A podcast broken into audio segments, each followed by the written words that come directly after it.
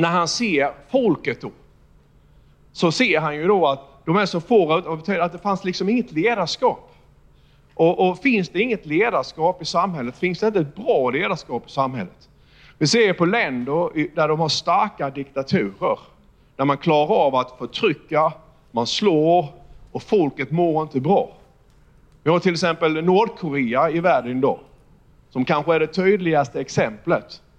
Det finns ju alltså koncentrationsläger, det finns arbetsläger och människor svälter istället för att man ska kunna förändra allt. Och det beror ju på att det finns ett ledarskap som inte fungerar. Och när det är en dålig herde, eller när det inte ens finns en herde, då fungerar inte samhället.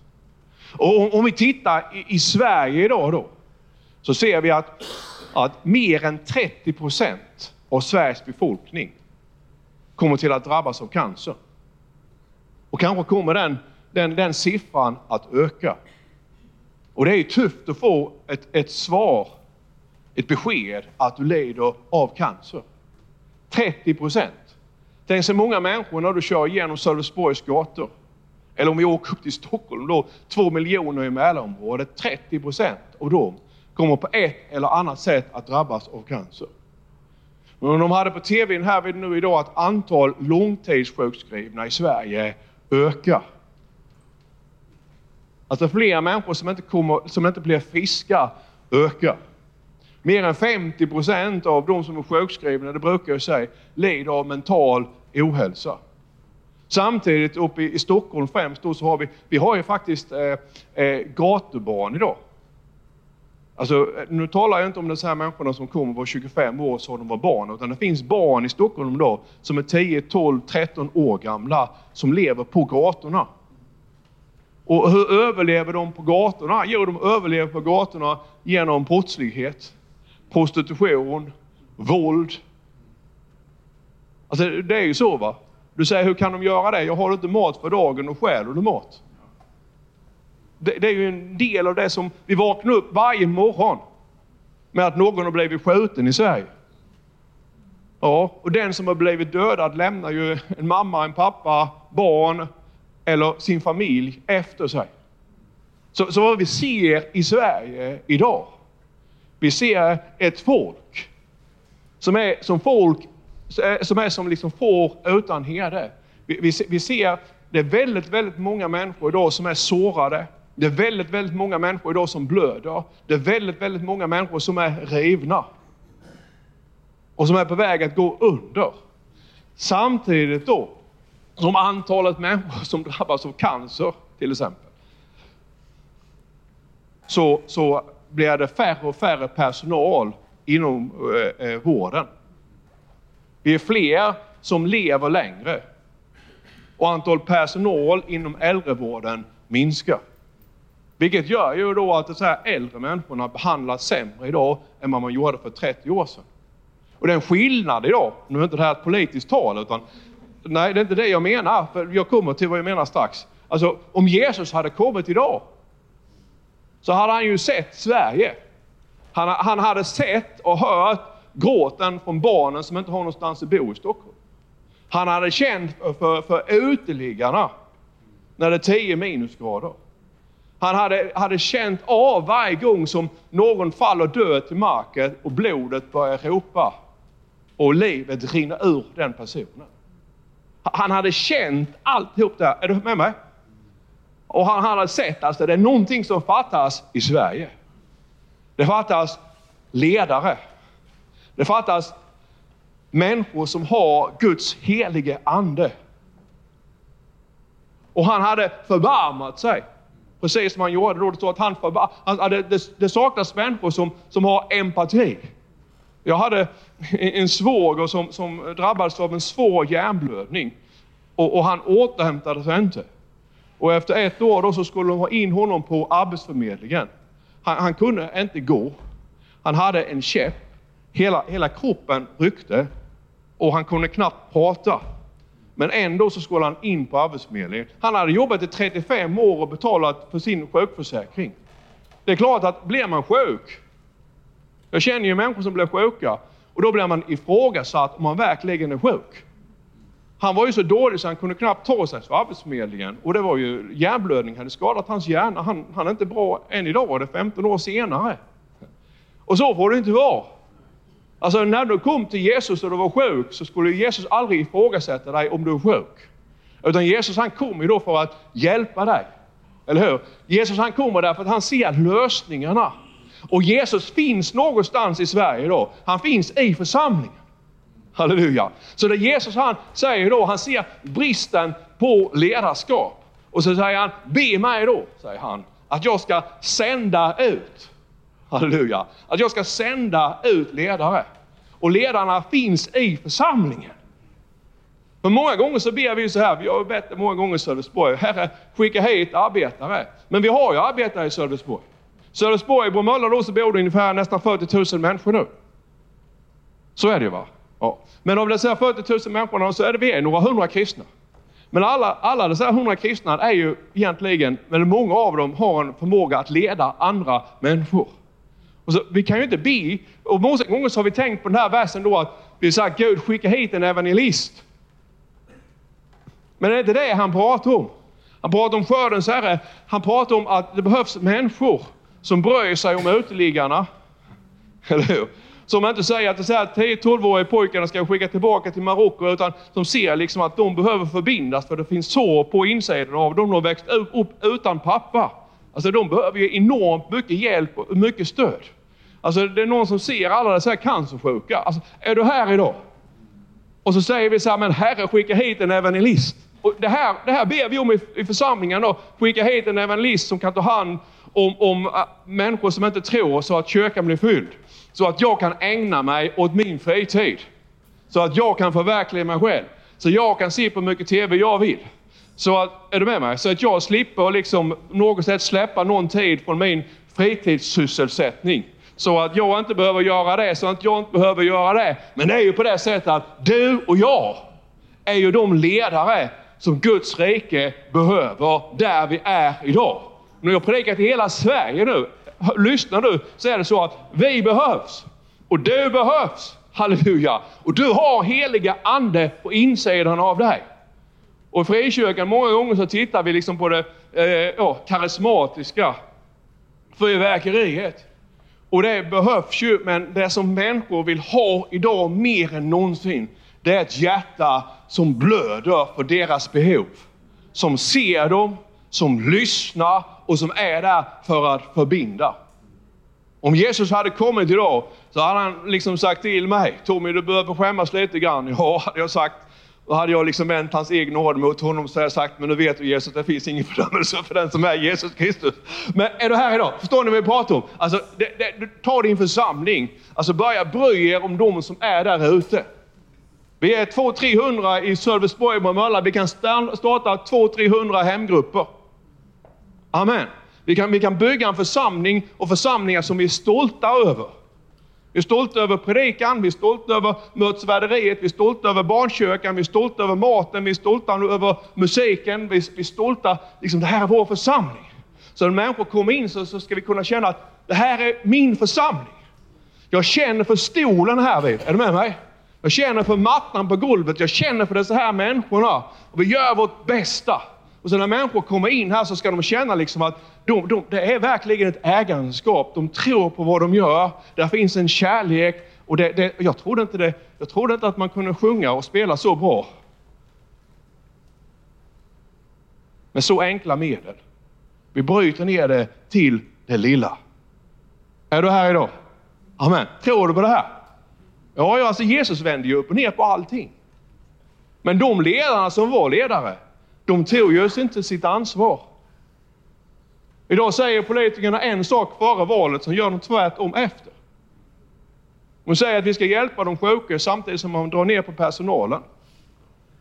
Alltså det är dags för Guds församling att resa sig i Sverige och inta sin plats. För vi har ett svar här. Amen. Och nu får vi gå över till nästa del i predikan. Och då, vad Jesus han gör här, det är att han, han det på sina ledare. Eller hur? Han hade tolv stycken då. Och så gav han dem makt. Kan du säga det? Han gav dem makt. Ja, att bota alla sjukdomar och krämpor. Den här versen är ganska så märklig. Han säger till dem, bota sjuka. Så säger jag, jag ska försöka. Och sen säger han, uppväck döda.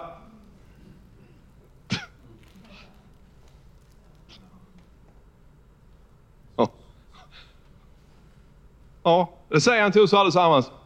Han förväntade sig att det skulle vara döda människor efterhand som de började att jobba. Och då säger han, har de dött? Uppväck dem.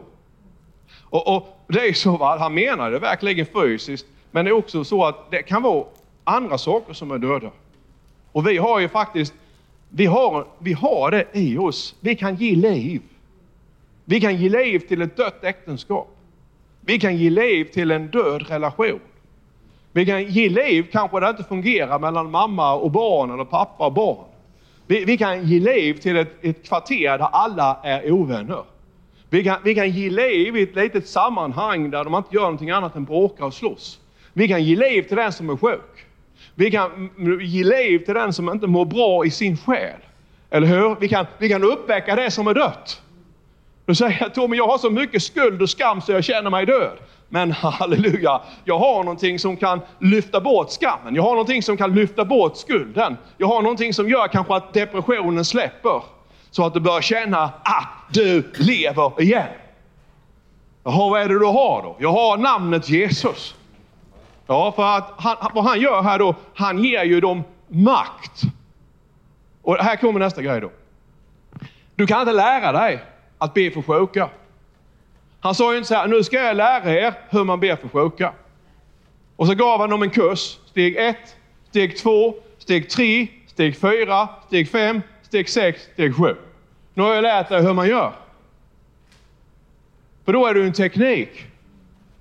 Och det är inte en teknik, det är makt. Kom igen nu, det är makt. I namnet Jesus. Han säger, jag ska ge er ett verktyg och det är mitt namn.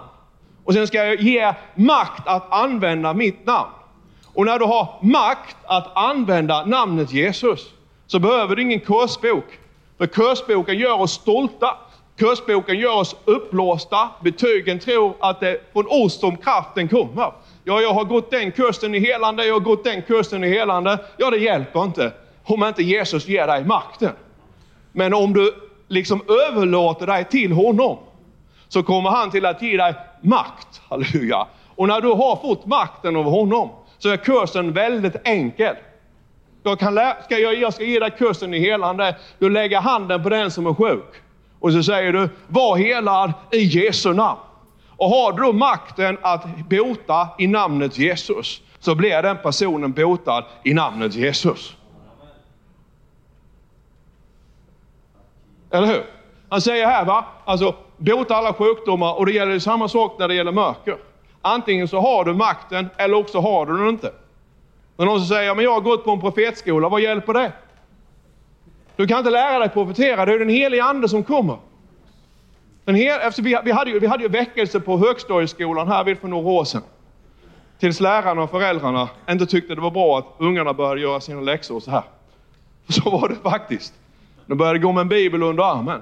Och det var en kille där, han var ju alldeles, han visste ingenting om bibeln, han visste ingenting om tro. Men han hade tagit emot Jesus. Och han hade blivit andedöpt. Och när han kommer hem på eftermiddagen så profeterar han över sin mamma. Hur kunde han profetera över sin mamma? Han hade inte gått någon profetskola. Nej, därför att makten i namnet Jesus, kraften kommer ju från Gud. Den kommer ju inte från oss. Han profeterade över sin mamma och sen var hon sjuk, så han bad för sin mamma också och hon blev helad. Och han visste inte vad han gjorde. Men han bad i namnet Jesus och Jesus var där med sin makt och det var Jesus som gjorde det. Halleluja! Det är inte vi som gör det. Det är Jesus som gör det. Jesus han säger att om jag får flöda igenom dig, då finns det inga gränser för vad jag kan göra. Därför att min makt, och det är det det handlar om, Jesu makt. Och när makten på något sätt, när vi får makten, och då, då, då handlar det inte om att du och jag ska bli, bli någonting. Utan det är han som ska bli upphöjd. Och han är likadan idag. Eller hur? Kan du säga det? Han är likadan idag. Eller hur? Och då var han då? Jo, han ser ju det som är sargat. Han ser det som är sårat. Han kommer inte för att slå. Han kommer för att hela och läka. Och så säger han då, va, berätta att himmelriket är här. Och då kommer ju frågan. När vi börjar prata om himmelriket så säger människor så här, vi vill se himmelriket. Eller hur? Vi vill se himmelriket. Vi vill se himmelriket. Ja, och det var ju det som hände när de gick in i en by då. Så kom ju människor och så berättade de om himmelriket och sa det är här nu. Och sen demonstrerade man det övernaturliga. Så när människor då känner att det rör sig i rummet. Och man, det kan ju demonstreras på olika sätt. Ni vet ibland när man suttit med en människa och berättat om dem om Jesus så kan man se att, att, att liksom, det är nästan som att de går in i en bastu. De börjar bli alldeles röda på kinderna, nästan så att öronen börjar fladdra.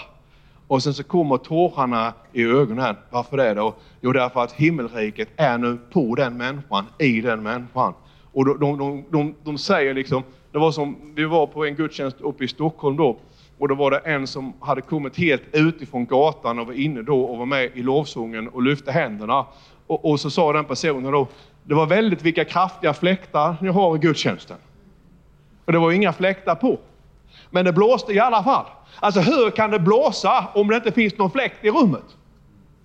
Jag har ju varit med faktiskt där jag stått på scener i Afrika där det känns som att det fladdrar i byxbenen trots att det inte blåser alls. Därför att det finns en övernaturlig kraft.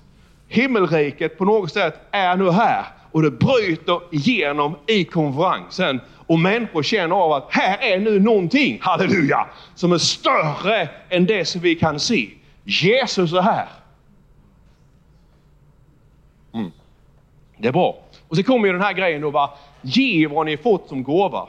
Och det är det som är hela tiden problemet. Va? Ge det som ni har fått som en gåva. Vad var det de hade fått som gåva? Jo, de hade fått som gåva att i namnet Jesus hjälpa människor. Det var inte en teknik. Det var inte en utbildning. Det var inte sju steg till helande, utan de hade fått som gåva att i namnet Jesus komma med kärlek, empati, upprättelse, helande och befrielse. Ge det som ni har fått som gåva. Och det här är kanske det största problemet många gånger då, att vi tror att när saker och ting inte händer, så beror det på att vi är under domen. Vi, vi, vi, många gånger när människor blir sjuka och så söker man orsaker och det, men det, det, sitter så djupt i frikyrkan, det här med, med orsak och verkan. Och, och, och er, alltså ersättningsteologin, den är, den är faktiskt väldigt, väldigt djup. Och du som är här och du som lyssnar och tänker orsaken till att jag inte blir sjuk eller att orsaken till att inte löser sig, det måste ju bero på att jag gör något fel mot Gud. Tror du på Gud?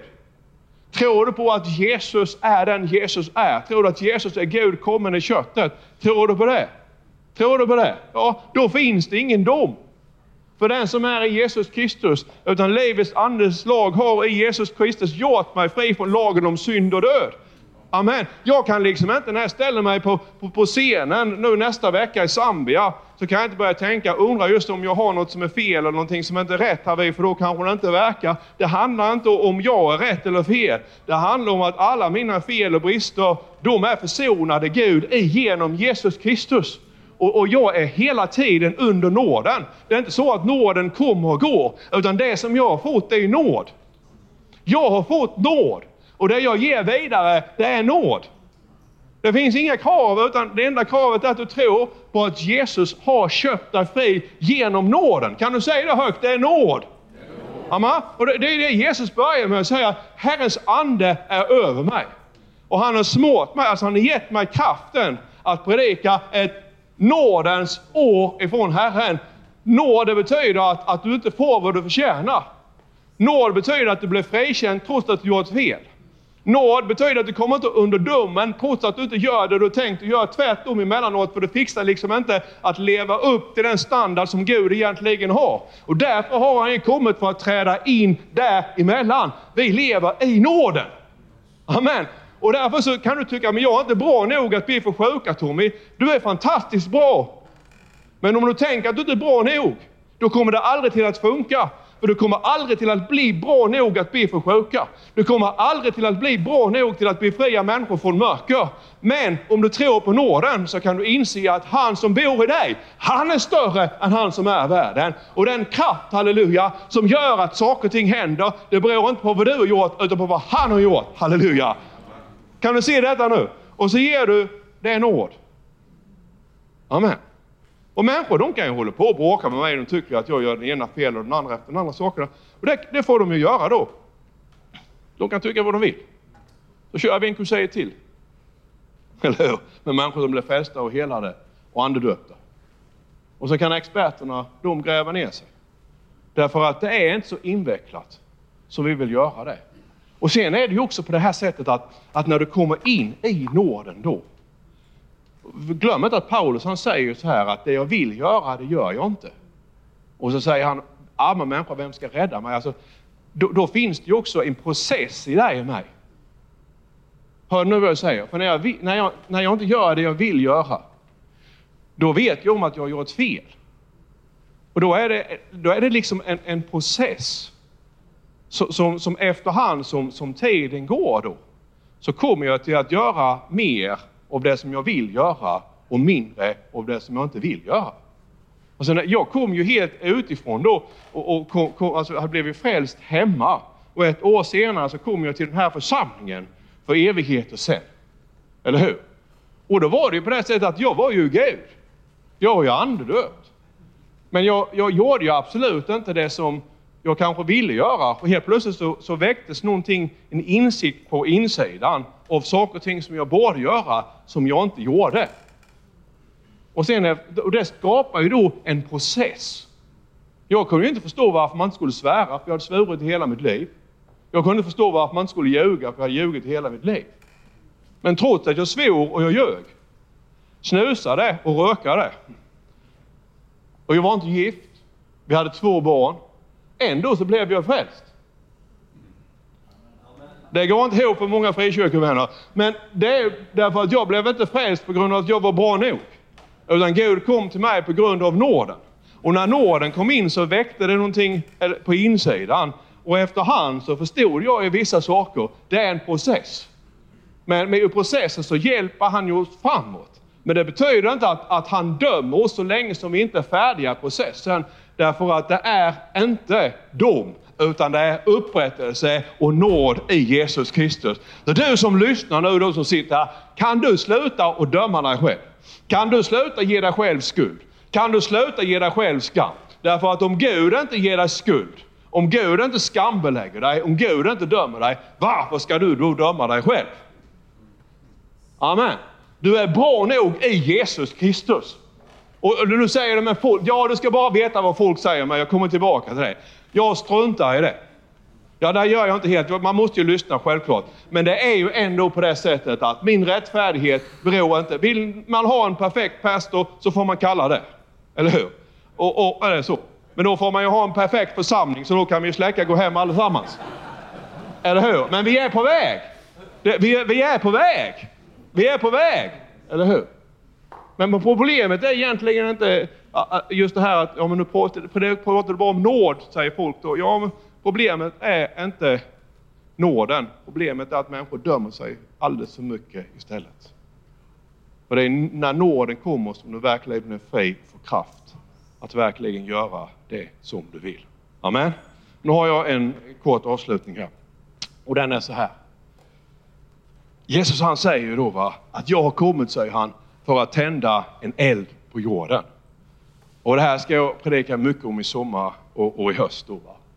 Alltså in i kaklet är vår församling. Guds rike tillhör oss, vi är arvingar. Det är så vi ska leva. Vi kör in i kaklet. Vi ger allt vi har. Vi ger allt vi är för Guds rike. Alltså. Är du med mig? In i kaklet. Det är hur vi lever. Så, ja, det är den kallelse som Jesus har på dig. Han säger, kör in i kaklet. Vi ger allt. Två, byggare. Det är det vi gör. Där vi är, där bygger vi Guds rike. Så när du är hemma i ditt kvarter så bygger du Guds rike. När du är i skolan bygger du Guds rike. När du är på arbetet bygger du Guds rike. När du är på julfest med barnen bygger du Guds rike. Vi bygger Guds rike överallt där vi är. När du är på gymmet, där du är, alltså var du än är. Vi bygger Guds rike. Det är de vi är in i kaklet. Vi är allt. Vi bygger Guds rike. Och tre, jag vet att de ska byta ut ordet. För det är lite negativt laddat. Vi är pyromaner. Och då syftar jag på den bibelversen här. Jag har kommit, sa Jesus, för att tända en eld. Eller hur? Alltså elden handlar ju om att se det som är sårat. Att förbinda det som blöder. Att hjälpa det som är slaget. Alltså det är den elden. Vi vill sätta eld överallt. Därför att himmelriket är här och nu. Vi vill att alla människor ska brinna av Jesu kärlek till en förlorad skapelse. Kan du säga amen till det? Ja. Och sen är vi guldgrävare. Och vad menar du med det då? Ja, nu tänker du självklart på pengar. Det skulle kanske jag också gjort. Vad jag menar med guldgrävare då, det är att vi ser guld i alla människor. Ja, jag tror på dig. Varför tror jag på dig? Därför att jag ser guld i dig. Jag ser guld i dig. Jag ser guld i dig. Där alla andra bara ser slagg och säger det är, det är inte värt någonting annat än att kasta hon eller honom eller, på tippen. Då ser vi, vi ser guld i människor. Vi slutar aldrig att se guld i människor. Hur djupt sjunkna de än är, hur slagna de än är, hur sjuka de än är, så tror vi på Guds makt och kraft i Jesus Kristus. Kan du säga det? Vi ser guld i människor. Ja, slå till din granne och säg, därför är du en guldgrävare. Halleluja! Och sen är det på det sättet, va? extremt ägarskap, det är vår församling. Och det är faktiskt extremt, därför att det här är ju övernaturligt. Du är döpt in i församlingen genom den helige Ande. Extremare än så kan det inte bli. Eller hur? Paulus han skriver och säger att vi ska se oss själva. Vi ska se det fördolda livet som är i himlen som att det redan är här och nu. Himmelriket är här nu, eller hur? Du är arvinge till Guds rike här och nu. Vet du vad det är? Det är extremt ägarskap att redan här och nu vara en del av Guds rike. Extremt ägarskap, det menas alltså att du har ett ansvar för den här stolen. Du har ett ansvar för den här mattan. Du har ett ansvar för mig som pastor, jag har ett ansvar för dig som kristen. Du har ett ansvar för dörren du gick in igenom. Du har ett ansvar för allt vi gör i församlingen. Du har ansvar för annonserna, du har ansvar för sladdarna. Det är extremt ägarskap, det är vårt. Därför att vi äter i Jesus Kristus. Halleluja! Och vi är stolta över vår församling. Och om inte samhällets ledare kan göra det, då är det dags att församlingen ställer sig upp och i Jesu namn, Amen, gå ut till dem som behöver förbarmande och empati i Jesus Kristus. Tror du på detta här? Det här tror jag på. Ska vi ställa oss upp tillsammans?